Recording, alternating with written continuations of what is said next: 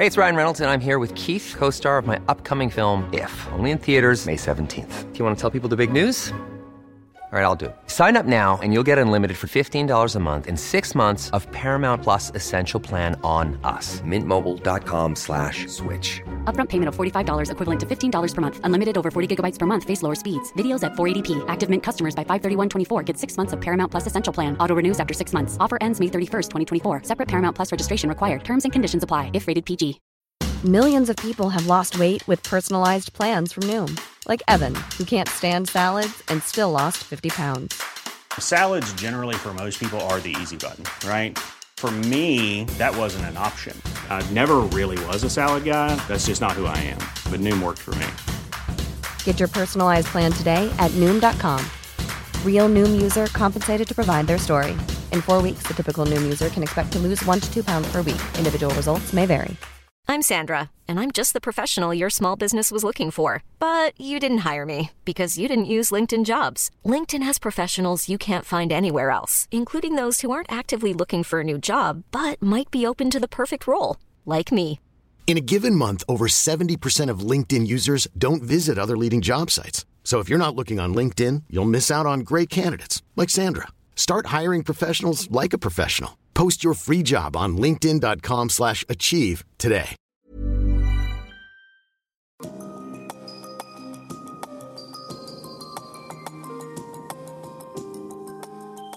Du lytter til podkast fra Oslo Militære Samfunn. Besøk vår hjemmeside oslomildsamfunn.no, og se oss også på Facebook, Twitter og LinkedIn. Kveldens foredragsholder, eh, Asle Toje, han er utenrikspolitisk forsker og kommentator. Han vokste opp i Audnedal, er utdanna ved Pembroke College, Cambridge, og vært en aktiv deltaker i den norske samfunnsdebatten. Toy har undervist i statsvitenskap ved Universitetet i Oslo og er forskningssjef ved Det norske Nobelinstitutt, som dere også ser på sliden her. Temaet er 'Uten USA hvilket Nato?' Vær så god, talerstolen er din.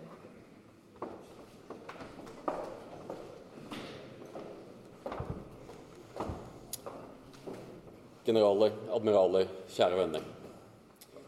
Eh, Det er meg en sann ære å få være blant dere her i kveld. Jeg har hørt mye fra Geir Lundestad i uken som har gått, om eh, foredraget han holdt i forrige uke. Eh, Vanligvis så er det å holde et innlegg etter Geir Lundestad litt som å hoppe etter Wirkola. Men nå har jeg hørt så mye om Hans Majestet og æ at jeg føler at Skuldrene er relativt lave. Hans Majestet er ikke her i dag. Kjære venner, jeg har fått et eh, provoserende eh, spørsmål å besvare i dag. Og det er på mange måter et lett eh, spørsmål å besvare. Uten USA ingen Nato. For kollektivt forsvar, mine venner, blant de forsvarsløse er ingen allianse. Det er noe i retning av en selvmordspakt. Artikkel 42.7 i EUs Lisboa-traktat, av og til i media referert til som en kollektivt forsvarsartikkel, har ingen av de samme krigsimplikasjonene som det Natos artikkel 5 har.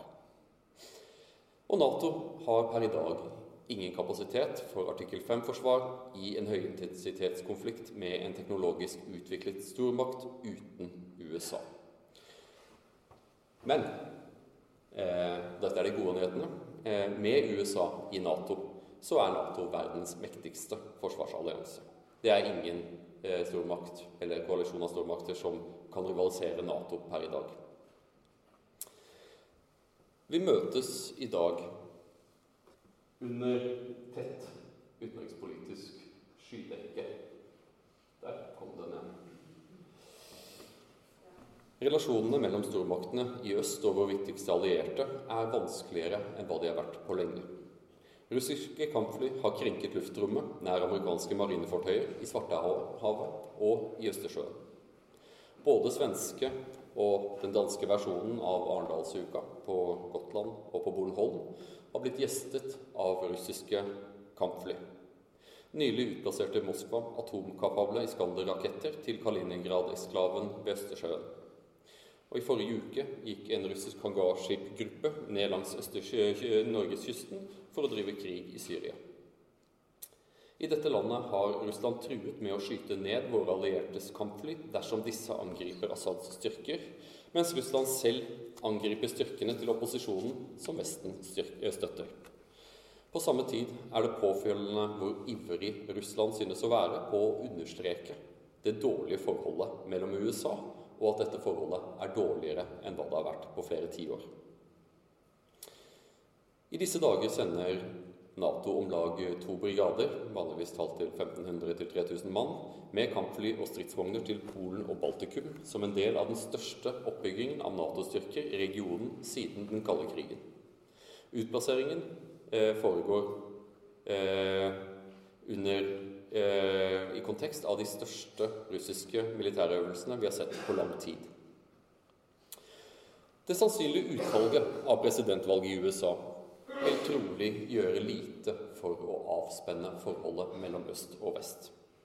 President Putin mener at Hillary Clinton forsøkte aktivt å undergrave ham av hans regime da regimet var på sitt svakeste i desember 2011. Den gang gikk Putin til valg for å bli russisk president for tredje gang, og ble møtt av en massiv protestbevegelse. Putin mener at Hillary Clinton eh, var eh, den som ledet an i å gi denne bevegelsen styrke. Han mener at USA i så måte forsøkte å styrte ham. Samtidig så ser vi i den amerikanske presidentvalgkampen at eh, FBI har anklaget russiske hackere for å forsøke å påvirke presidentvalget. I klartekst eh, å forsøke å få Donald Trump valgt til amerikansk president. Trump har et godt og positivt bilde av Russland, og han ser til president Putin som et slags forbilde.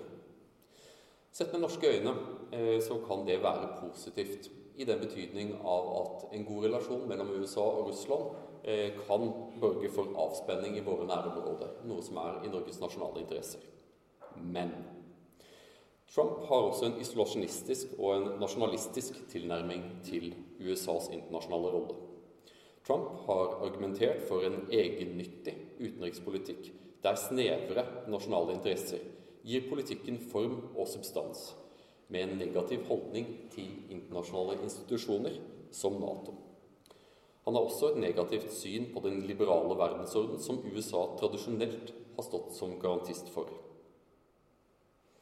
Mye har vært sagt om hva Trump sa om Nato, og jeg tenkte at det kunne være passende i dette forum å skjære gjennom en del av det man leser i norske tabloidmedier, og sitere hva som faktisk skjedde på et spørsmål i juli fra The New York Times om de tre baltiske landene Latvia, Litauen og Estland og andre Nato-allierte kan forvente at USA vil forsvare dem dersom de ble angrepet av Russland, svarte herr Trump med følgende spørsmål Har de oppfylt sin forpliktelse til oss?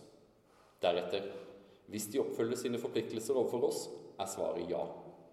Dette har blitt tolket i ulike retninger, eh, litt etter behov, har jeg inntrykk av, fra ulike eh, kommentatorer.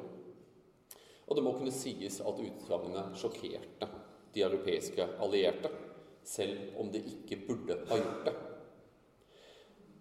USA har nemlig advart Europa på et utall måter eh, om farene ved den ujevne byrdefordelingen i alliansen. Kanskje mest berømt var, skjedde dette i 1953, da den amerikanske utenriksminister John Foster Dulles advarte, mot en 'agonizing reappraisal' dersom den franske nasjonalforsamlingen skulle unnlate å stemme for, eller stemme ja til The European Defence Community, EDC, det som vi i dag kaller CSDP, eller, C, C, eller CDP. C, CSDP, sorry, ja. Siden den gang har USA gjort alt, egentlig, for å få europeerne til å bruke mer penger på sitt forsvar. Og dette har også ofte vært ledsaget av åpne og mer dulgte trusler. La meg gi et eksempel. Sitat. Det faktum at USA står for nesten 73% av den totale eh, forsvarsutgiftene i Nato, er ubalansert og ikke bærekraftig over tid. Den som skrev dette, var James Davridis. Han skrev det i 2013, eh, kort tid etter at han gikk av som SACEUR, Supreme Allied Commander Europe i Nato. Men la oss ta dette spørsmålet eh, om eh, et Nato uten USA på alvor. Kan USA melde seg ut av Nato? Ja, det kan de. Formelt sett så eh, har, eh, kan man ifølge Atlanterhavspakten eh, så kan alle medlemmer melde seg ut av alliansen med ett års varsel. Hva med artikkel 5? Vel, artikkel 5 eh, garanterer ikke militær unnsetning. Det som står i artikkel 5, er 'such action, action as, is it, as is deemed necessary'. Altså den respons man anser for å være nødvendig. Det står ingenting om en garantert militær unnsetning. Så artikkel 5 eh, har jo også en mulighet for at en alliert kan unnlate eh, å komme til militær unnsetning uten å melde seg ut av alliansen. USA, Nato per i dag har 28 medlemsstater. Og, og byrdefordelingen i alliansen er slik Stavridis påpekte. Det kan kanskje være det fins mange måter å måle dette på, men med dette tallet at USA bruker 73 av den totale eh, med forsvarsutleggene, eh, kan vel kanskje være indikativt for hvordan også styrkefordelingen er innad i alliansen. Det er altså ingen jevn byrdefordeling. Samtidig så ser vi at USA i lang tid har redusert sitt styrkenærvær i Europa. Vi må tenke på det at I 1950 hadde USA 450 000 mann stående i Europa. Dette er redusert til om lag 60 000 i dag. Naturligvis så er det ikke slik at du kan telle militær slagkraft i antall mann, slik man kanskje en gang i tiden kunne gjøre det. Men som Napoleon sa, kvantitet har sin egen kvalitet. Og eh, når det kommer til kvantitet, så skorter det i, eh, på, vår militær slagkraft blant mange av de europeiske allierte. Det er riktignok mange eh, soldater som er ansatt i Forsvaret, men kampstyrker det skorter det på. Nato slet i årene etter den kalde krigen med skrømt. Og denne, dette skrømte er tanken om at allianser overlever ikke trusselen de ble skapt for å møte men Nato har overlevd. De fant en overlevelsesstrategi gjennom 1990-tallet gjennom det såkalte 'out of area or out of business'. Altså at Nato skulle eh, gå inn på krisehåndtering i global skala. Og dette har også Norge sluttet lojalt opp. Da ISAF-operasjonen ble avsluttet i 2014, eh, så fremsto dette igjen som en akutt trussel for alliansen. Hva skal vi nå gjøre etter at vi ikke har en, en stor felles operasjon og, som kan gi alliansen fokus? Riktignok hadde vi fått en æresrunde for eh, såkalt liberal internasjonalisme da vi bombet Libya og eh, styrtet regimet i Tripoli i 2011, eh, men det syntes som at Nato ville slite framover. Det var helt til at Russland reiste seg igjen. Og Russland har på mange måter gitt Nato nytt liv. Det er altså kanskje motsatt enn det enkelte forestiller seg. Eh, Nato har fått nytt fokus av den veien som Russland har valgt for å finne veien tilbake til den øverste stormaktsdivisjonen, altså gjennom storstilt opprustning. Eh, og man må kunne spørre seg om våre venner i øst ikke begår noe av den samme feilen som de begikk i sovjettiden da man anslår at Sovjetunionen brukte i siste fase av den kalde krigen oppimot 30% av bruttonasjonalprodukt på forsvar. Altfor mye. Eh, samtidig som at man i eh, USA antok at Sovjetunionens bruttonasjonalinntekt var om lag halvparten av USA, mens vi vet nå at i realiteten var den på størrelse med Italias. Så de driftet en gigantisk militærmakt på et eh, relativt lite budsjett. Og vi ser igjen at Russland sliter i realøkonomien, samtidig som de investerer tungt i Forsvaret. USA har kommet med ulike forsøk på å svare på russisk aggresjon i øst, og da sikter jeg til hendelsene i Ukraina, bl.a. gjennom operasjonen Atlantic Resolve. Det har vært mye snakk om amerikansk troppeoppbygning i Europa. Eh, dette er i stor grad overdrevet. USA har totalt sett rundt tre kampbrigader i Europa. Eh, og eh, naturligvis er det totale personellet rundt 60 000, eh, men kampstyrkene de er det få og den responsen vi har sett fra USA på hendelser i Russland under Obama, har snarere vært at man har bremset ned tilbaketrekningen fra Europa, snarere enn at man har reversert den. Så i dag har de rundt tre brigader, men vi skal huske at så sent som i 2012 hadde de fire brigader. Og eh, de av dere som er riktig interessert i militære spørsmål, og det tror jeg alle sammen her er, så vil jeg anbefale dere å lete opp en studie som ble gitt ut av Rand Corporation i, eh, i Washington DC, der de eh, gjorde et scenario for en fullskala konflikt mellom Nato og Russland. Og der kom de fram til at Nato må ha minimum sju brigader i Øst-Europa for at alliansen får tilstrekkelig med tid til å kunne mobilisere og eventuelt iverksette et motangrep. Eh, og de vil ha altfor lite eh, til å komme i den situasjonen. Og det er bekymringsverdig. Det er også interessant at eh, amerikanerne nå forhandler om å gjenåpne Keflavik-basen på Island.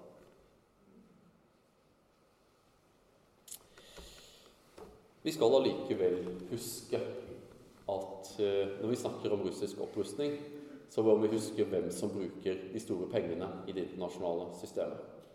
Og dere ser her eh, på disse tallene at eh, ja, Russland bruker, eh, har, en, har, et betydelig forsvarsbudsjett, eh, men de ligger fortsatt bak Saudi-Arabia og Kina. Og mest nevneverdig USA. Sett med Natos øyne så er det som utspiller seg nå, et resultat av dårlig politisk håndverk da alliansen ekspanderte mot øst i kjølvannet av den kalde krigen.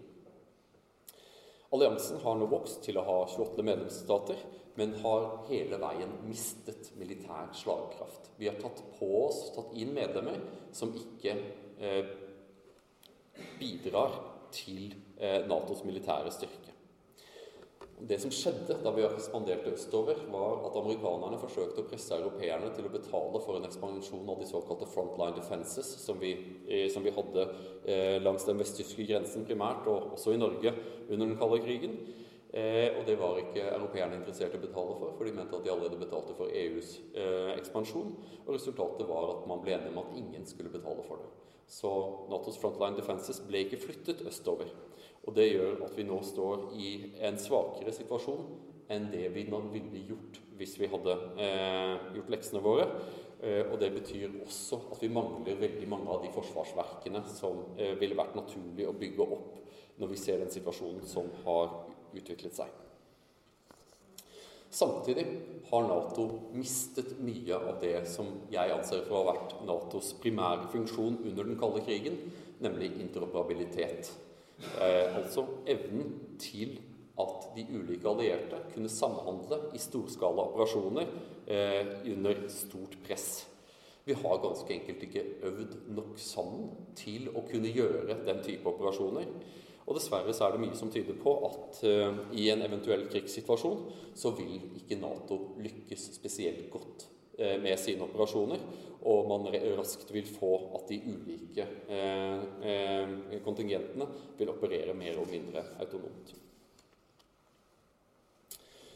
Snarere har de fleste Nato-land, eh, og Norge blant dem, men Norge og Danmark har ligget helt i tet på dette, eh, har vært å bygge opp løsrevne kapasiteter. Man har gitt opp sitt eget bredspektrumsforsvar Eh, og man har heller satset på å kjøpe veldig dyre og veldig effektive kapasiteter som kan plugges inn i den amerikanske maskinen eh, på utenlandsoppdrag og utføre sjandarmoperasjoner eh, på krisehåndtering med autonomt.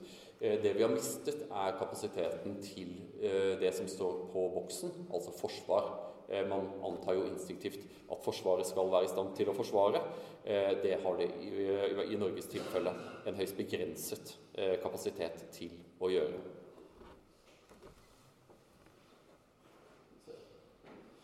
Her ser vi det som, hvor Russland kommer til å være i 2020. Det er nevneverdig, de kapasitetene Russland bygger opp. Og det er også nevneverdig at vi har å gjøre med et land som i økonomisk krise, som lider under sanksjonene som har blitt påført landet etter Ukraina-konflikten fra Vesten, og som sliter med lave oljepriser på samme måte som med Norge. Eh, har eh, investert så mye i et forsvarsprogram som de nekter å bremse ned. I så måte er 2020 er det året da vi bør begynne å være riktig bekymrede. For da vil Russland være i stand til å utkjempe en høyintensitetskonflikt i sine egne nærområder. Eh, med, alt, med alle støttefunksjoner. Og vi ser jo det at i Europa så har moderniteten og den utviklingen som vi har gjennomgått de siste 30 årene, som har vært en gigantisk transformasjon av, eget, av vår egen region, har skjedd uten nevneverdig tanke for eh, worst case scenarios, altså krig. Eh, og Vi ser at eh, mange land har ikke lenger f.eks. jernbanekapasitet til å kunne flytte på tomt materiell. Eh, og vi ser på vårt eget land at eh, vi må kjøre våre stridsvogner ned fra arenaen, ned til Fredrikstad, kjøre dem om bord i Wilhelmsens skip, som da eh, skal sakte toffe eh, oppover eh, langs norgeskysten før det blir torpedert ved i Hustadvika.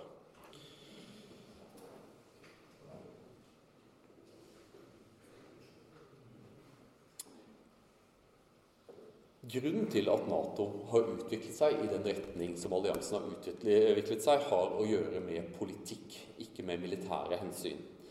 Og den, den, politikken jeg her sikter til, er at Natos allierte ikke har de samme interessene. USA har globale interesser. Eh, deres fokus under Obama har ligget primært i Øst-Asia, i mindre grad i Europa. Eh, frontstatene, Norge blant dem, anser at Russland bør være Natos eh, viktigste fokus. Mens vi ser nå også at land som, som Frankrike, en viktig alliert, mener at utfordringene ligger sør for Middelhavet, i land som Syria og, eh, og på, i Øst-Afrika. Problemet som Europa nå står overfor, er at denne kalkylen har endret seg Eh, og for USA eh, så er problemet at eh, landet nå for første gang på riktig lenge må tenke gjennom hvordan de eventuelt skal leve opp til sine allianseforpliktelser. Og det har medført betydelige mengder med støy i Washington DC. Det vi ser at det er toneangivende hauker, spesielt på konservativ side, som tar til orde for at USA bør redusere sine allianseforpliktelser. Og det ser ut som at Donald Trump har eh, en viss eh, eh, forkjærlighet for disse perspektivene. Jeg tror ikke at eh, når han ser eh, resten av regnestykket, hvorfor USA ønsker Nato, og hvorfor USA trenger Nato USA, eh, Nato har jo vært en relativt billig måte for USA å øke sin vekt i internasjonal politikk og få riktig mange liberale demokratier bak seg i utføringen av sine globale ambisjoner. Og de har fått dette relativt rimelig sett fra amerikanske øyne. Selv om eh, naturligvis amerikansk forsvar koster mye, mange penger. Men som nevnt, eh, mesteparten av dette er ikke plassert eller stasjonert i Europa. Dette, kjære venner, er bakgrunnen for den norske regjeringens valg der vi har eh, invitert og vil ta imot 330 soldater fra det amerikanske eh, marinekorpsinfanteriet. Og jeg kan ikke lyve for dere, dette er et dramatisk valg. Dette er eh, en, big deal i norsk militær sammenheng. Vi hadde ikke amerikanske soldater stasjonert semipermanent, eller permanent, men på rotasjonsbasis, under den kalde krigen. Og dette er et valg som eh, på mange måter eh, retter en anklagende finger mot norsk forsvarsplanlegging etter den kalde krigen. Jeg kan ikke se det på noen annen måte. I 2015 så var det bare Polen og, eh, og fire andre land i Nato som nådde opp til Natos minstekrav for hvor mange penger de skulle bruke på alliansen, eller på, på, på sitt forsvar, altså 2% av BNP. Det var da Storbritannia, USA, Polen, Estland og Hellas. Dette er nevneverdig siden Natos medlemmer så sent som i 2014 lovet at de skulle øke dette tallet til eh, 10 av BNP innen 2024. Og vi ser enda ikke noen tydelige tegn til at dette skjer.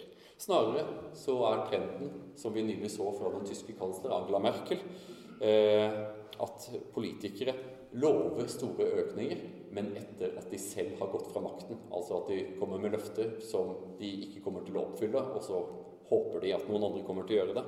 Og erfaring tilsier at det skjer sjelden. Eh, Angela Merkel tok riktig tungt i, og hun sa, annonserte at Bundeswehr vil få en 60% økning i sine budsjetter i årene som kommer. En økning på 20 milliarder euro. Eh, og Det vil da bli interessant å se om Angela Merkel vil leve opp til dette hvis hun selv blir sittende ved makten. Eh, Tyskland har i likhet med Norge en lang tradisjon for løftebrudd på dette felt. Forsvarsbudsjettene øker, det gjør de, men sakte.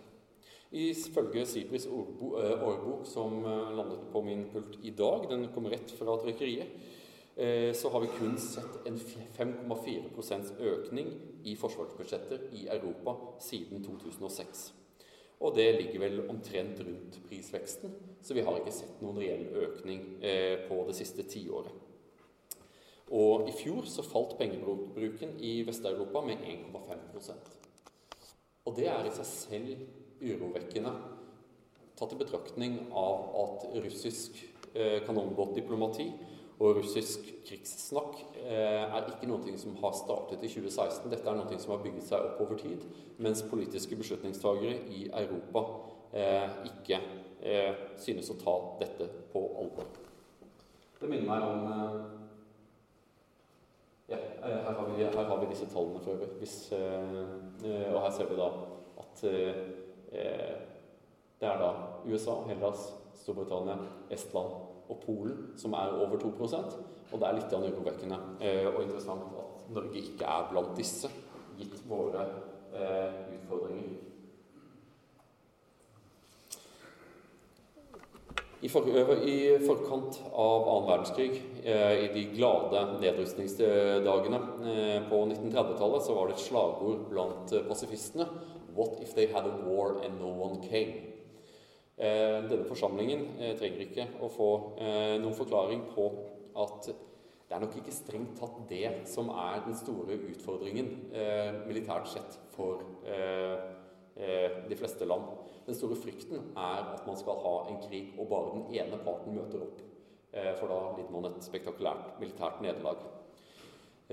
Og Europa står nok i en situasjon der eh, hvis det kommer til en høyintensitetskonflikt i, i Russlands nærområder, eh, så vil eh, atomvåpen være på bordet eh, veldig, veldig raskt. Ganske enkelt pga. at eh, balansen mellom de konvensjonelle styrkene eh, mellom Russland og Nato i de relevante regionene er slik at eh, sannsynligvis ville Nato lide store tap. Det ville sannsynligvis også Russland gjøre. Eh, men eh, vi ville ikke ha så veldig mye å erstatte disse tapene med. Og, og, igjen vil man da stå opp i gamle dilemmaer. under den kalde krigen så, var det store diskusjonen om, om USA ville risikere New York for Paris. Eh, spørsmålet er nå eh, om hva gjør vi hvis Warszawa faller? Er vi villige til å se Berlin falle i, en, i et worst case scenario? Og da vil atomvåpen eh, være et alternativ, og det uroer meg meget sterkt. Nato oppdaterer nå sine geografiske beredskapsplaner. og Jeg skal ikke svartmale. Eh, under generalsekretær eh, Jens Stoltenberg har Nato gjort veldig mange ting riktig, slik jeg ser det. De oppdaterer sine beredskapsplaner herunder for Norge og de maritime flankene. Nato etablerer også en reaksjonsstyrke med på høyere beredskap enn en Natos enn en, en det som har vært eh, tilfellet. Og vi ser at eh, vi kommer til å få et såkalt brannkorps, som vi kalte det under den kalde krigen. En såkalt Very High Readiness Joint Task Force, VJTF. De er veldig glad i disse forkortelsene i Nato. Den vil være liten, kun, bare, kun rundt 5000 mann, eh, støttet av luft- og sjøstridskrefter og spesialstyrker. Betydningen av denne Very High Readiness Joint Task Force er at den vil kunne settes inn meget, meget raskt. Og derigjennom markere at et angrep vil utløse Natos artikkel 5, forsvarsgarantien, og en mer kraftfull alliert vestlig respons. Og det er noe som kan, eh, kan, i seg selv være avskrekkende. Jeg tror at vi skal være veldig forsiktige med å anta at Russland er en eh, eh, irrasjonell stormakt. Det er ikke Russland i det hele tatt, slik jeg ser det. Eh, tvert imot så er det en logikk i at en militært sterk, økonomisk svak og diplomatisk tidvis eh, på plass stormakt eh, i møte med et Europa som er økonomisk sterkt, men militært svakt, vil søke å gjøre sine militære kapasiteter eh, relevante.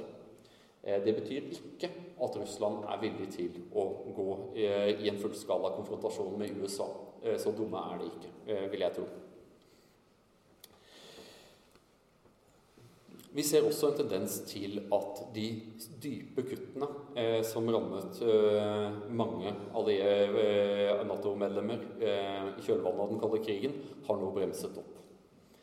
Eh, vi ser at eh, nærværet øker i øst. det ble nå nylig annonsert at britene sender et par hundre mann med, med stridsvogner og luftstøtte til Polen. Amerikanerne sender en brigade. Dette er for De kaller det 'reassurance'. Eh, da skal altså da berolige ikke russerne, men eh, de allierte. Eh, men det er også en måte å signalisere vilje på overfor Russland. I alle fall i en kontekst da Russland bruker veldig i diplomatisk forstand veldig krasse virkemidler for å signalisere eller kommunisere diplomatisk og politisk. F.eks. dette med å stasjonere Iskander-missiler i Kaliningrad er Strategisk er det bare tull. Det er et signal, eh, men et veldig krast signal. Trass i ulike trusseloppfatninger og sprikende interesser vil alliansen trolig også i fremtiden være i stand til å samles om noen viktige felles mål, slik jeg ser det.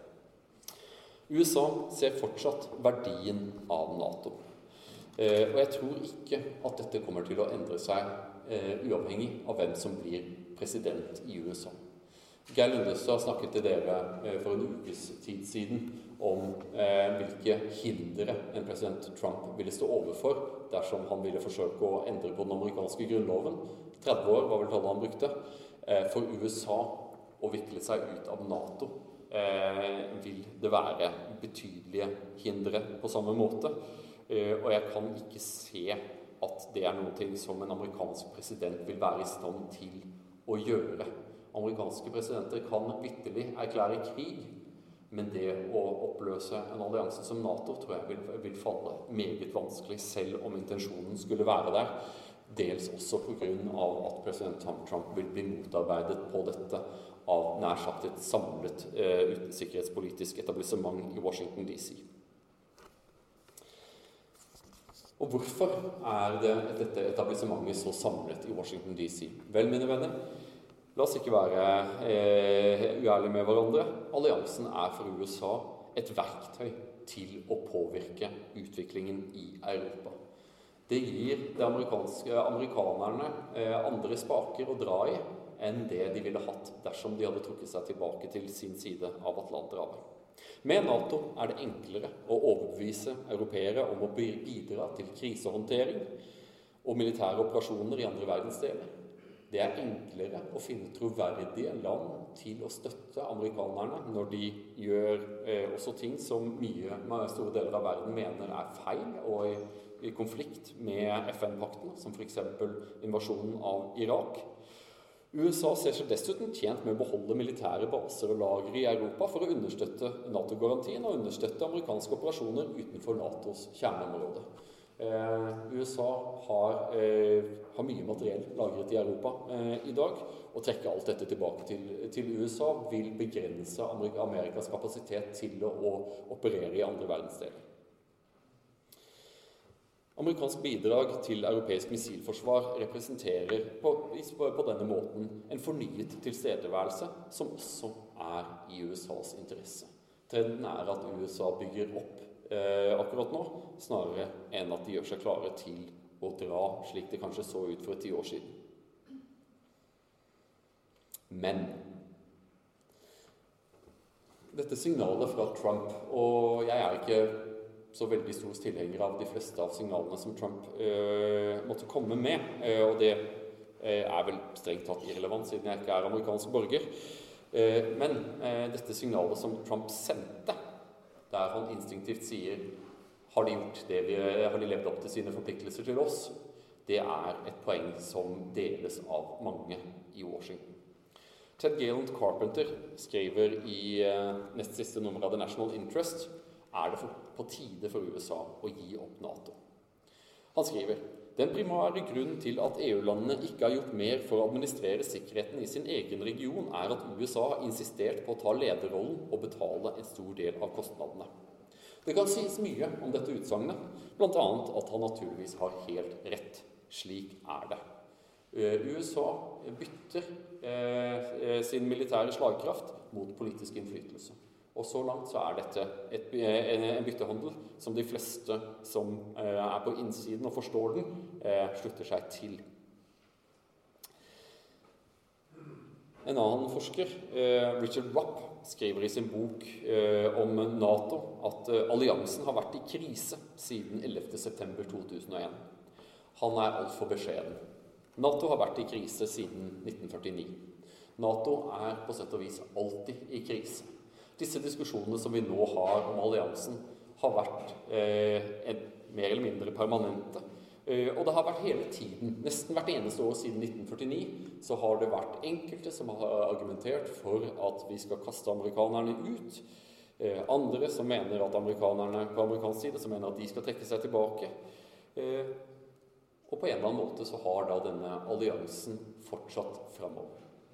Og jeg vil si at når Nato nå klarte å komme seg gjennom disse eh, konfliktårene etter den kalde krigen, da vi manglet noen trussel som forente oss, eh, så eh, tror jeg at vi kommer til å komme gjennom disse årene også.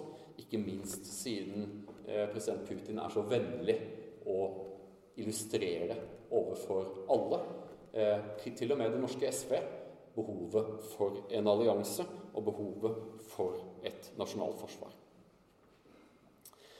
Like så står Nato eh, fremfor, slik jeg ser det, fire store problemer.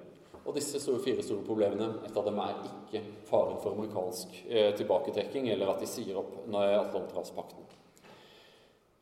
Det første av disse problemene er manglende etterlevelse. Og Jeg snakket litt om det tidligere. Eh, Nato-land har gang på gang lovet at vi skal bruke mer på forsvar uten å gjøre dette. Dette skaper eh, dårlig stemning blant, eh, mange, blant mange i Washington og gjør at det er vanskeligere å komme tilbake til det punktet der vi trenger å være, der Nato hele tiden øver sammen og sørger for at den interoperabiliteten som får en allianse med 28 medlemsstater, med til dels meget forskjellig militær kultur, at man er i stand til å kjempe side ved side på en effektiv måte. Eh, og manglende eh, etterlevelse har hindret Nato på dette.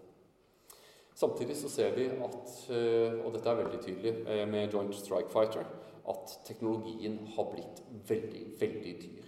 Og det gjør det vanskeligere for stater å opprettholde et, et fullspektrumforsvar. Og på en eller annen paradoksal måte så har dette fått politikere til å stille spørsmålstegn om man trenger å bruke, på hele, eh, bruke mye penger på forsvar i det hele tatt all den tid at det er vanskelig å kjøpe så mange F-35 at de eh, kommer til å utgjøre noen kritisk masse. Norge er et unntak på det punktet. Eh, men samtidig som at vi ser dette, dette gjenspeile seg på riktig mange felt. Forsvar har blitt veldig dyrt. Innkjøp av materiell er kostbart. Og vi eh, eh, sliter med å finansiere det. Og Resultatet er, slik vi har sett i Norge og, og riktig mange andre land, at vi har enkelte kapasiteter som er absolutt spitsen Eh, men bredden har blitt borte. Også den bredden som vil gi disse kapasitetene relevans i en konfliktsituasjon på hjemmebane. Man har ganske enkelt ikke støttefunksjonene til å bruke dem på en effektiv måte. Here's a cool fact. A crocodile can't stick out its tongue. Another cool fact, you can get short-term health insurance for a month or just under a year in some states.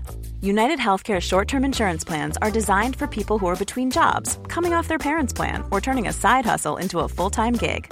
Underwritten by Golden Rule Insurance Company, they offer flexible, budget friendly coverage with access to a nationwide network of doctors and hospitals. Get more cool facts about United Healthcare short term plans at uh1.com.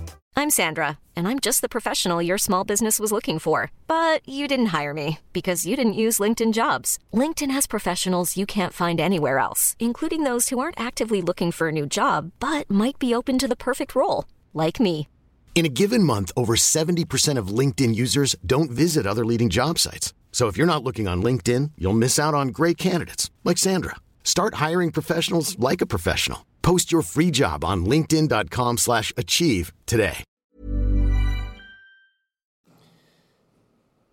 Et tredje utfordring er mangelen på lederskap i Europa. Og Jeg ville naturligvis ikke si et vondt ord om Natos generalsekretær, men det er en kjensgjerning. At man i, i, i, Nato så sier man om Anders Fogh Rasmussen at han var eh, mer general enn sekretær, og at eh, Jens Stoltenberg eh, nok er mer sekretær enn general. Eh, han er en mann som er veldig flink til å bygge konsensus i alliansen. Men i fravær av tydelig lederskap på europeisk side. Og jeg er ikke så sikker på at det lederskapet ville trenge å komme fra Natos generalsekretær. Og vi må huske at Anders Fogh Rasmussens forsøk på å gi slikt lederskap mislyktes nær eller mindre totalt. Men det manglende lederskapet fra statsledere i Tyskland, Frankrike og Storbritannia har vært et problem for Nato. Et siste moment eh, er det som overrasker meg mest, eh, pga. at eh, i statsvitenskapen har vi en tendens til å mene at eh, forsvar og investering i forsvar er en funksjon av trusselvurdering. Altså da i, i, en situasjon av overhengende trussel så er viljen til å bruke penger på forsvar høyere. Vi har egentlig ikke sett dette i Europa. Og jeg kan ikke konkludere noe annet enn at det er en misforstått og altfor lav eh, evaluering av den trusselen hvis det står overfor, som jeg nevnte tidligere. Hvis dette skulle gå galt, eh, så vil vi stå i en veldig, veldig farlig situasjon veldig, veldig raskt. Eh, og det tror jeg ikke at eh, en del europeiske beslutningstagere har tatt inn over seg. Skal snakke om for landing nå, eh, men enkelte vil kanskje spørre seg ja, men hva med CSDP? Hva med, hva med våre eh, europeiske eh, kapasiteter? Har ikke EU bygget opp en felles forsvars- og sikkerhetspolitikk? Og riktignok, i kjølvannet av brexit eh, så møttes EUs eh, e ledere i Warszawa. Og nok en gang eh, så førte dette til nytt snakk om en europeisk hær. Jean-Claude Juncker, EU-kommisjonspresident, president, eh, flankert av Ursula von, von der Leyen, var begge enige EU trenger en felles hær. Jeg har skrevet en del om dette tidligere, eh, og jeg tror at vi kan konkludere at det ikke kommer til å skje. Eh, NATO, EU eh, mangler en av de styrkene som Nato har. EU har nemlig ikke USA. EU har ikke engang en stormakt som kan ved i trengselsmål eh, løse de utfordringene som oppstår ved at de europeerne ikke bruker nok. Eh, de vesteuropeiske landene, eh, på tross av sin militære avhengighet, eh, har forblitt i alliansen med USA relativt uavhengige. Og det er oppsiktsvekkende, men sant. Eh, dette, dette, har vært en veldig grei allianse for oss. Vi har, å, vi har fått veldig mye sikkerhetspolitiske garantier mot at vi, og vi har klart å bevare vår politiske og diplomatiske uavhengighet relativt intakt. Båndene har ikke bundet så mye, og det gjør at Nato vil slite med å komme opp med noen ting som kan rivalisere Nato. Det var en annen president, Walter Hallstein, som ledet EU-kommisjonen fra 58 til 67. Han eh, advarte sine, eh, de eh, europeiske lederne Don't waste time talking about defense. In the first instance, we don't understand it, and in the second instance, we would never agree. Og det er noen som faktisk uh, står for uh, uh, som, ved EUs rubrikk den dag i dag. Nato har altså fått en livline gjennom Russlands sikkerhetspolitiske veivalg. Men hvordan skal vi håndtere Russland? Og her kommer kanskje det som vil være mest eh, interessant i dette foredraget. I 1976 så skrev min gode kollega Robert Jervis en bok som het 'Oppfatninger og misoppfatninger eller feiloppfatninger i internasjonal politikk'. Eh, 'Perceptions and Misperceptions in International Politics'. Om situasjoner som akkurat denne boka handler om. Akkurat den type situasjoner som vi står oppe i nå. Han påpekte at, eh, at, i statsvitenskapen så er det slik at stater utfører hva som oppleves som truende handlinger ut av to meget forskjellige grunner. Russlands oppførsel kan forklares på to meget forskjellige måter. Den ene, I enkelte tilfeller så kommer aggressiv oppførsel ikke av en respons på en opplevd trussel, men som et resultat av maktsyke ledere eller ideologiske motiver. Et klassisk eksempel på dette er den tidligere nevnte Napoleon Bonaparte. I slike tilfeller vil forsøk på forhandlinger og kompromiss ikke fungere. Det eneste som fungerer, er tydelige røde linjer og en klar vilje til å leve opp til de truslene man eventuelt kommer med. Og I så måte så er avskrekkende eh, oppførsel det eneste virksomme alternativ. Avskrekkende oppførsel basert på egen militær styrke og tydelige røde linjer. Eh, og det er på mange måter det Nato nå forsøker å gjøre på litt grann, eh, forsiktig måte når vi bygger opp troppene i Baltikum og i Polen, og når amerikanerne nå inviteres til å stasjonere tropper i Norge.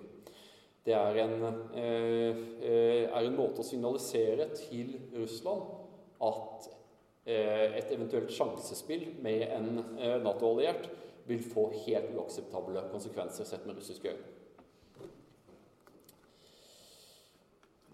Haukene i USA mener at Putins Russland faller i denne kategorien. Og i så måte, så hvis vi får en president Hillary Clinton, så vil vi sannsynligvis få eh, en betydelig mer tøff linje overfor Russland. Eh, hun har eh, gjort sitt for å opparbeide seg et personlig veldig dårlig forhold til den russiske presidenten. Et unødvendig dårlig forhold, vil enkelte si. Det var den ene kategorien. Den andre hovedkategorien er at aggressiv oppførsel Eh, er motivert av frykt eller usikkerhet. I slike tilfeller vil trusler og hardhet kunne bidra til å bekrefte denne frykten og skape en korresponderende følelse av at ethvert tegn på svakhet vil bli utnyttet. Eh, I denne kategorien så finner vi langt de fleste av europeiske ledere. Eh, faren ved dette scenarioet er en tiltagende spiral preget av økende fiendtlighet. I en situasjon hvor aggresjon bunner i reell frykt og usikkerhet, er den beste løsningen avspenning og imøtekommelse, eller såkalt appeasement, som har fått et dårlig rykte, men som kan være passende i enkelte situasjoner. Så igjen hvordan skal vi da lese eh, Putins Russland? Der enkelte les Barack Obama ser et avfolket, skakkjørt og fundamentalt usikkert rike som klamrer seg til stor fordums storhet, så ser hans sannsynlige arvtaker Hillary Clinton en aggressiv, oppadstigende ideologisk konkurrent. Faren er at vi nå møter Russland. Eh, faren er altså ikke at vi kommer til å møte Russland uten USA. Faren er at Norge vil få definert sin russlandspolitikk i Washington med minimal input fordi vi har gjort oss så totalt avhengige av USA gjennom å ruste ned i den grad vi har gjort. Og dette er i den situasjonen vi nå står overfor, et meget lite appellerende scenario. Men det er altså et scenario vi kjenner godt. Vi hadde det jo nemlig slik under den kalde krigen. Mine damer og herrer, det har vært en ære eh, å få snakke til dere i dag om et alvorlig eh, tema. Jeg håper det har vært til nytte.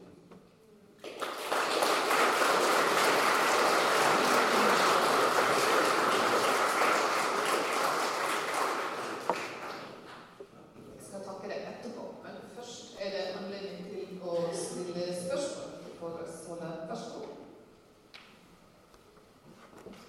til å fin gjennomgang. Jeg savner kanskje noen ord om Tyrkia. Hva, hvor tror du de går? Ja, eh, Tyrkia har eh, bare det siste året hatt en veldig spesiell sikkerhetspolitisk reise. Eh, der de først skjøt ned et eh, russisk kampfly. Eh, unødvendig, mente mange Nato-allierte. Dette var et land som kun krenket russisk, tyrkisk luftrom i noen korte sekunder. Eh, og det forsuret eh, relasjonen mellom eh, Moskva og Ankara meget. men så, grunnet amerikanernes politikk i Syria og det, på, det forsøket kuppet mot Erdogan, så har Russland og Tyrkia funnet tilbake i eh, noe som eh, eh, synes å være en relativt hjertelig relasjon.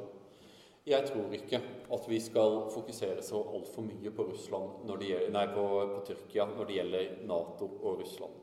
Eh, under Erdogan så har det blitt veldig tydelig at, Russ, at Tyrkias sikkerhetspolitiske interesser ligger i landets nærområder, og at disse eh, interessene ligger da spesielt i sør og i vest i Syria, i Tyrkia eh, og i noen grad i, i, forhold til eh, Aserbajdsjan. Nå ser vi at eh, den tiltagende spenningen mellom Aserbajdsjan og Armenia, som kunne ha brygget opp til å bli en slags stedfortrederkonflikt. Som vi alle vet, så har Russland betydelig troppenærvær i Armenia. Eh, og eh, eh, Tyrkia ser på Aserbajdsjan som en slags klientstat. Eh, og Det førte til noen konfrontasjoner langs grensen der. Eh, men dette har blitt avløst av, eh, av, av avspenning siden den gang. Jeg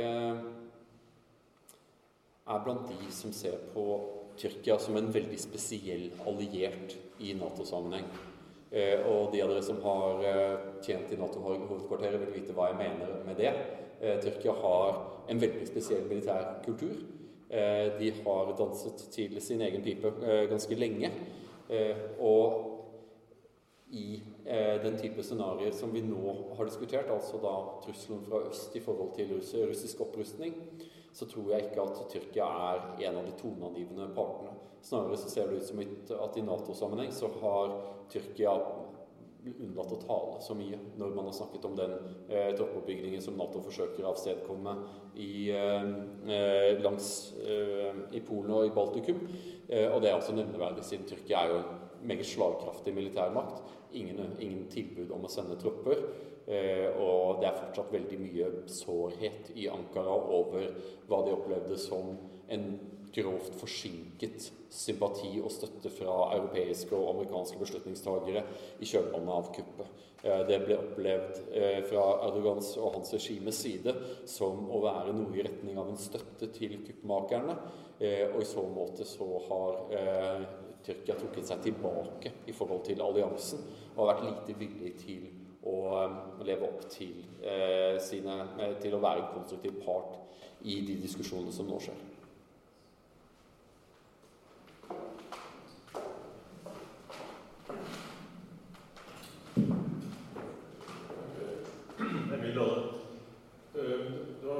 interessant, særlig slutten, syns jeg. Og spørsmålet mitt er jo som så Eller først et tilbakeblikk på andre eventyr, da. Mm. Å si noe særlig mer om det. Da kom jo Amerika med etter hvert, da. Sammen med det gikk veldig dårlig i Europa. Men spørsmålet mitt er egentlig så Hvordan havnet Russland i denne jokerposisjonen, egentlig?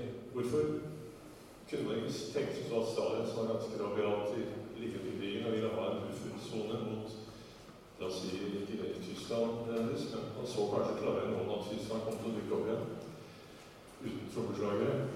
Men hvordan kom Russland i denne posisjonen? Hvorfor ble det ikke egentlig gjort alvorlige skritt for å få disse allierte annen til å jobbe sammen mot eh, et fredeligere verdensbilde? Det virker som Norge, som er så flinke i Asia, hvor det måtte være Kan ikke Norge spille en rolle nå fremover og prøve å få en appeasement mellom Russland og Nato? Eh, nå forsøkte jo Norge i årene umiddelbart etter annen verdenskrig den såkalte brobyggingspolitikken, der vi forsøkte aktivt å, mm, å være eh, en som sto for eh, tillitsskapende arbeid mellom, mellom de ideologiske eh, rivalene. George Kennan skrev i 46, var det vel, 'Det lange telegrammet'. Og 'Det lange telegrammet' er noe som har stått seg meget, meget godt. Der, der skriver han, og nå eh, siterer jeg ikke direkte, men eh, slik jeg husker det, at, eh, at Sovjetunionen ønsker ikke en militær konfrontasjon med vestmaktene. Det de ønsker, og det de vil gjøre, er at de vil eh, forsøke å så, så, splid blant de allierte, i den grad de klarer det. Eh, og vil forsøke å undergrave eh, allianseenhet på vestlig side i så stor grad som de, som de, klarer, som de makter det. Og, at, og Kennan mente at dette ikke i så stor grad var Eh, basert på ideologi, men hvem Russland er, og hva slags selvbilde Russland har. Og Det tror jeg er noe som ofte glemmes i Norge. Jeg tror at det er mange i Norge som har vent seg til tanken på Russland som et dårlig styrt, relativt tilbakeliggende eh, land med et eh, veldig rustent forsvar.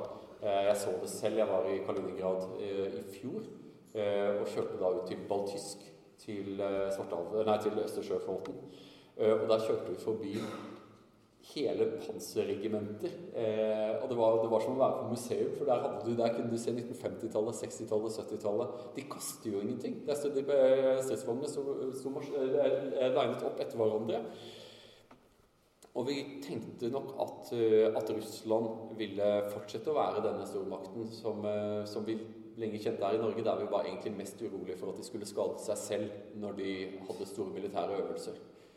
Eh, nå er det sånn at den, den, den militærmakten Russland har bygget opp igjen, er slagkraftig. Eh, russerne har brukt konflikten i Ukraina til å rotere inn lavere offiserer, slik at de får kamperfaring. Det russiske luftforsvaret har fått massevis av stridserfaring i, i Syria. og russerne tenker forsvar på en helt annen måte enn det vi gjør. russerne tenker, helt, tenker forsvar i en helt annen skala. og det bunner i en gammel tanke eh, sett fra russisk side om Jeg tror det var den britiske historikeren AGB Taylor som satte det på spissen i 53. Så sa han at krig er alltid umoralsk eh, og galt, med mindre naturligvis den utkjempes mot Russland. Eh, og russerne har nok et, et syn på der de, har, der de mener at, vi, eh, at vestmaktene er perfide. At vi taler med to tunger at vi, er, vi, behandler Russland som om det skulle være en fallert stormakt, eh, en, en bananrepublikk.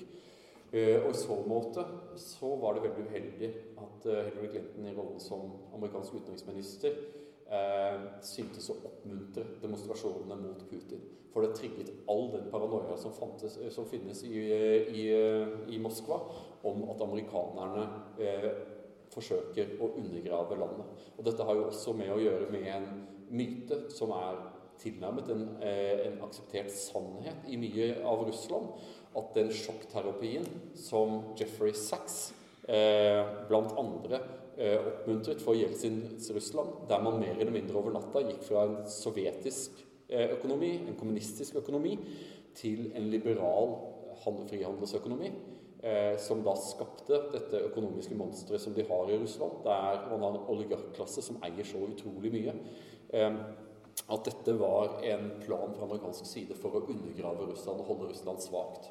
Eh, og da Putin talte til Natos eh, eh, toppledere i Bucuresti i 2008, så gjorde han det meget klart at Nato-utvidelsene, det at man ikke hadde tatt hensyn til Russlands innsigelser i viktige spørsmål, sånn som Irak-krigen og, og, og, i Afghanistan, mente han var pga. at vi trodde at Russland var svake. Og han var kommet for å fortelle de allierte at Russland er ikke lenger svake. Dere kommer ikke lenger til å slippe unna med det. Eh, og eh, sett med russiske øyne så er eh, Vesten slik at vi bare respekterer én ting makt. Den type makt som, som marsjerer, og som, som, lager veldig høy lyd når du kjører nedover autobanen. Naturligvis så slutter jeg meg ikke til dette synet fra russisk side, men jeg kan forstå det. Spesielt Natos ekspansjon ble foretatt uten og gjøre det tillitsskapende arbeid vi burde ha gjort vis-à-vis Russland. Og man må jo også kunne med ærlighet si at sett med russisk, russiske øyne så har Putins kanonbåtdiplomati og hans aggressive eh, toner har jo vært veldig effektive. Eh, det har vært mange suksesser. Russland tok Krim. Og legg merke til at det er ingen som krever, at, ikke Vesten heller, at Russland skal gi tilbake Krim. Vi snakker om Donetsk og, eh, og, og, og Donbass-regionen og Luhansk, eh, men de snakker ikke om at de skal gi tilbake Krim. Og I så måte var dette en stor seier. Russland har nok lyktes med å destabilisere Ukraina til et punkt hvor EU-medlemskap ikke er en tanke lenger. Mens EU, det som hele startet det hele, var jo et steg på veien mot EU-medlemskap.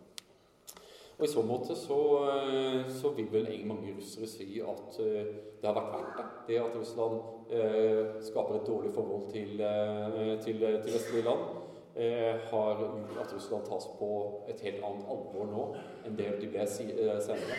Og helt avslutningsvis, apropos russiske suksesser. Jeg har, jeg, har, gode kontakter i Pentagon, og jeg kan bare love dere at det er med sjokk og vantro at amerikanerne ser hvor sterk den russiske merkevaren er i eh, Midtøsten.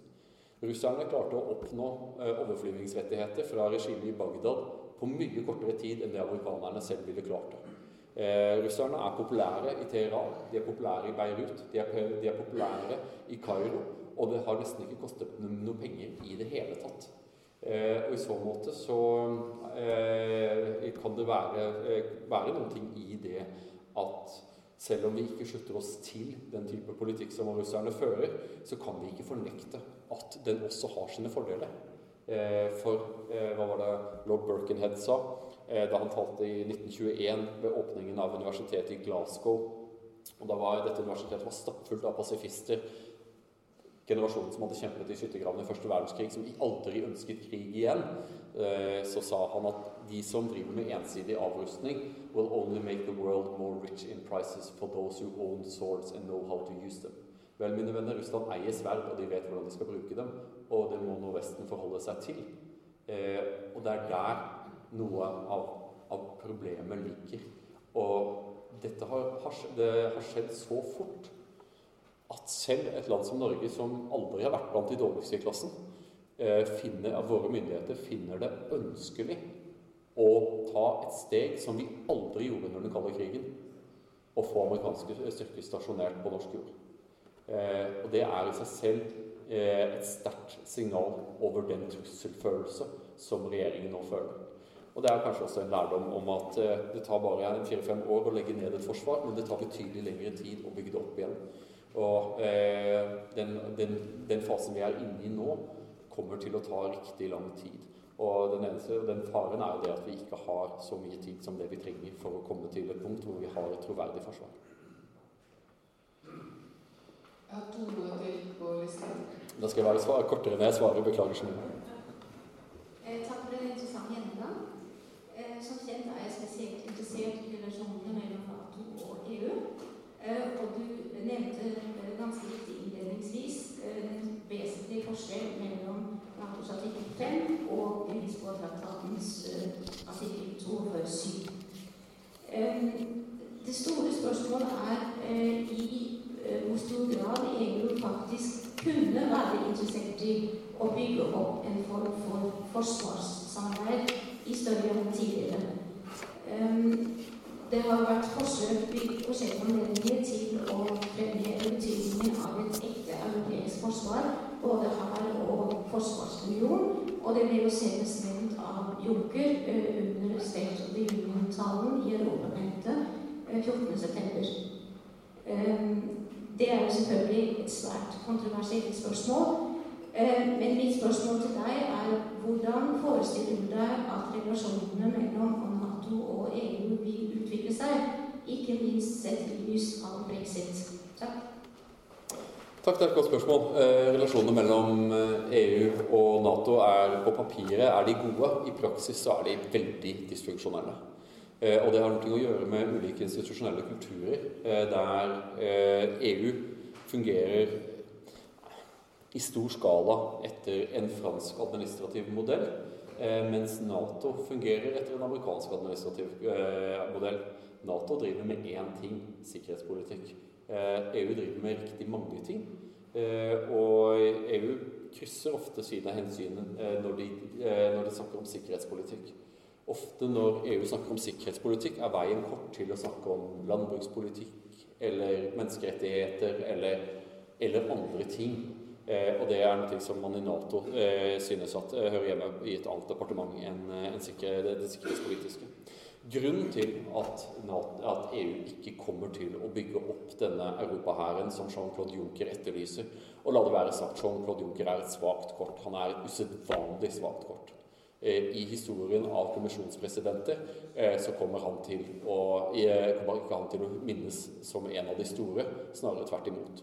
Og når han da presterer å reagere på brexit, altså da til uttrekkingen av EU av Europas kanskje mest effektive militærmakt, eh, med å si at vi trenger en Europa her. Ok, da. Så hvem skal fylle den rollen som Storbritannia skulle fylt? Altså fordi EUs forsvars-CSTP ble jo startet i 1998 ved et møte mellom Chirac og Tony Blair i Saint-Malo i Frankrike. Storbritannia og Frankrike gikk sammen om et forsvarssamarbeid som ble kjernen i CSDP. Nå er halvparten av dette borte. Nå er det ikke slik at uh, britene har det forsvaret de en gang hadde. Uh, den britiske samlede uh, slagkraften er på nå i retten et eller annet sted rundt 40 000 mann. Jeg minner om at britene mistet flere mann i løpet av en enkelt formiddag i 1915 enn det de, har, de, kan, de kan samle nå. Men allikevel, Storbritannia er da Eh, eh, eh, en av de mer slagkraftige. Så hvem skal oppfylle denne rollen? Tyskland? Jeg tror ikke det. Jeg tror ikke det. Det er to grunner til at jeg ikke tror at Tyskland kan fylle denne rollen. For det første tror jeg at europeernes vilje til å følge Tyskland som Europas ledende militærmakt er høyst begrenset. All den tid de fleste av oss har blitt hærtatt av Tyskland flere ganger. Den andre er at i Tyskland så er viljen til å innta denne rollen er så liten, slik jeg kjenner eh, det, det, tyske politiske systemet og, og Bundestagen eh, mer generelt. Eh, at Tyskland skulle bruke store penger på forsvar for å bygge opp den type kapasiteter for å kunne være det nukleus som USA er i Nato, er for meg nær, nær sagt utenkelig. Eh, Tyskland vil ikke gå til krig for noen annen stat. Eh, og de vil knapt nok gå til krig for, på egne vegne. Eh, og jeg tror ikke at, at, at den, den, panikk som rammet, og, og, og, tap av mening som har rammet all unionen etter brexit, at det kommer til å være tilstrekkelig til å endre på dette. og i så måte så i, eh, rundt ja, i, i, 1998 så reagerte jo amerikanerne med raseri på denne Samalot-erklæringen. De responderte med Madeleine Albright med de tre d-ene, altså at man ikke skulle duplisere Nato. Man skulle ikke diskriminere eh, mot, eh, mot Nato-allierte. Og man skulle ikke løsrive decouple eh, europeiske eh, kapasiteter fra Nato-rammeverket. I løpet av relativt få år så viste det seg at alle disse bekymringene hadde vært helt grunnløse. Pga. at EU har nå drevet på med dette her i snart to tiår, og de har ikke fått til så veldig mye. EU eh, e klarer veldig lavskala krisehåndtering. Eh, de er veldig gode på sivil-militært eh, å holde seminarer om sivil-militært samarbeid og den type ting. Men som kampstyrke eh, mot Russland? Nei, jeg tror ikke at eh, noen ville stolt på dem til å gjøre det.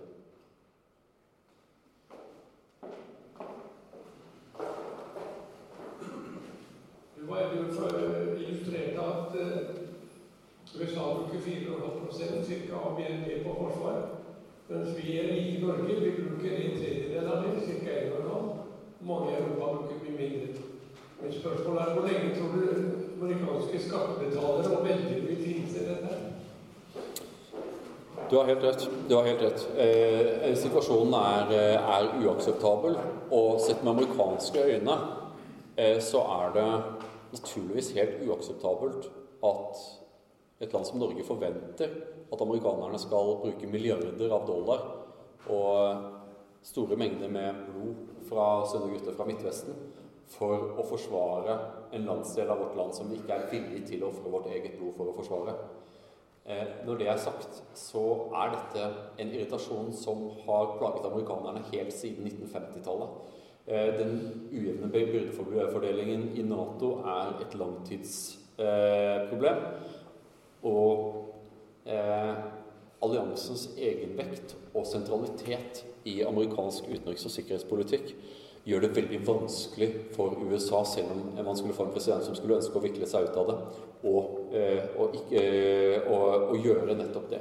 Og på den samme måte så er vi kanskje lykksalige i Europa pga. at i det øyeblikket USA ikke lever opp til sine artikkel 5-forpliktelser, eh, så vil alle USAs allianser få en stor sprekk i grunnmuren.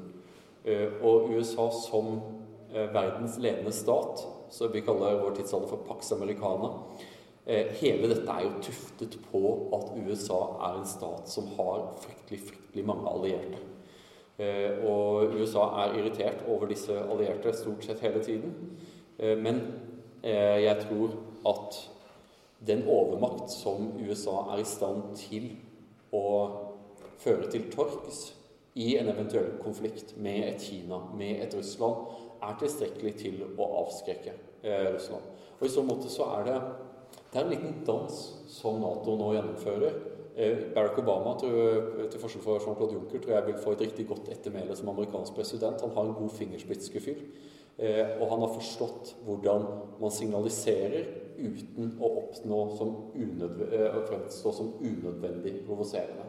Nå er det naturligvis alltid kommentatorer i russiske medier som tolker alt som til noe i retning av en krigserklæring.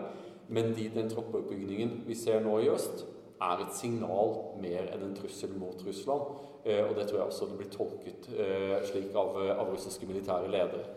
På samme måte som at disse 330 marineinfanteristene i Trøndelag de plasseres ikke Eh, på Storskog eller ved grense Jakobselv, som kunne blitt opplevd som truende fra, fra russisk side. Vi plasserer den i Trondheim. Det er en, det er en balanse. Det er en, det er en, form for kommunikasjon som pågår her.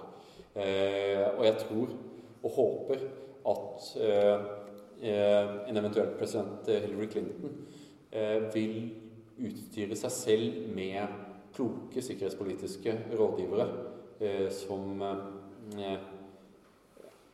stagger henne eh, i relasjonen med Russland. Eh, for det er kanskje paradoksalt i en tid der riktig mange nordmenn bevrer for tanken om at man kan få en president Trump, eh, så er jeg vel så urolig over en president Hillary Clinton vis-à-vis -vis Russland. Hun har ervervet seg et helt unødvendig dårlig relasjon med Putin. Og hun synes også å falle i denne fellen at, å tro at Putin ikke er rasjonell Putin er, i, er i aller, høyeste grad rasjonell. Han bare fungerer etter en annen type rasjonalitet enn vestlige ledere. Og responsen på det under den kalde krigen var at vi forsøker å få sette oss inn i russisk strategisk tenkning, russisk strategisk kultur. Eh, og det er et av de store problemene med vår hovedallierte, slik jeg ser det i dag, med USA. Under den kalde krigen var USA veldig gode på det som de selv kaller humint. Vi hadde eh, amerikanske og militære stasjonert i Norge som snakket norsk, som kjente norske generaler, som hadde satt seg inn i norske forhold og var i stand til å melde tilbake til Washington om hvordan, lege, hvordan ting faktisk sto til i, i, Norge. Og på samme måte med Russland. Mens amerikanerne har forlitet seg, mener jeg, på sin uforlignelige evne til å samle inn enorme mengder med data gjennom eh, det, det som man tidligere kalte echelon. Eh, og har lagt mindre vekt på å utvikle den type personlige mennesker med, med kunnskap. Eh, og i så måte så har også USA en god, lang vei å gå vis-à-vis -vis Russland. I 2015 så, så det ut som at de fleste europeiske land eh, egentlig ikke gjorde stort for å nå 2 %-målet. Eh, men jeg ser jo nå at, nye, på nyhetene at det er signaler fra veldig mange Nato-land om at man er villig til å løfte tyngre militært eh, og investere mer i Forsvaret. Jeg nevnte ikke det i foredraget ganske enkelt pga. at vi har blitt løyet til så mange ganger før av politiske ledere som er veldig offensive når, det, når de taler på neste regjerings vegne, altså den regjeringen de selv ikke representerer. Tusen takk for et godt foredrag med spennende vinklinger. Og for skikkelig gode, utfyllende svar på alle spørsmålene. Det var skikkelig spennende å høre på det. Tusen takk. Takk skal du ha.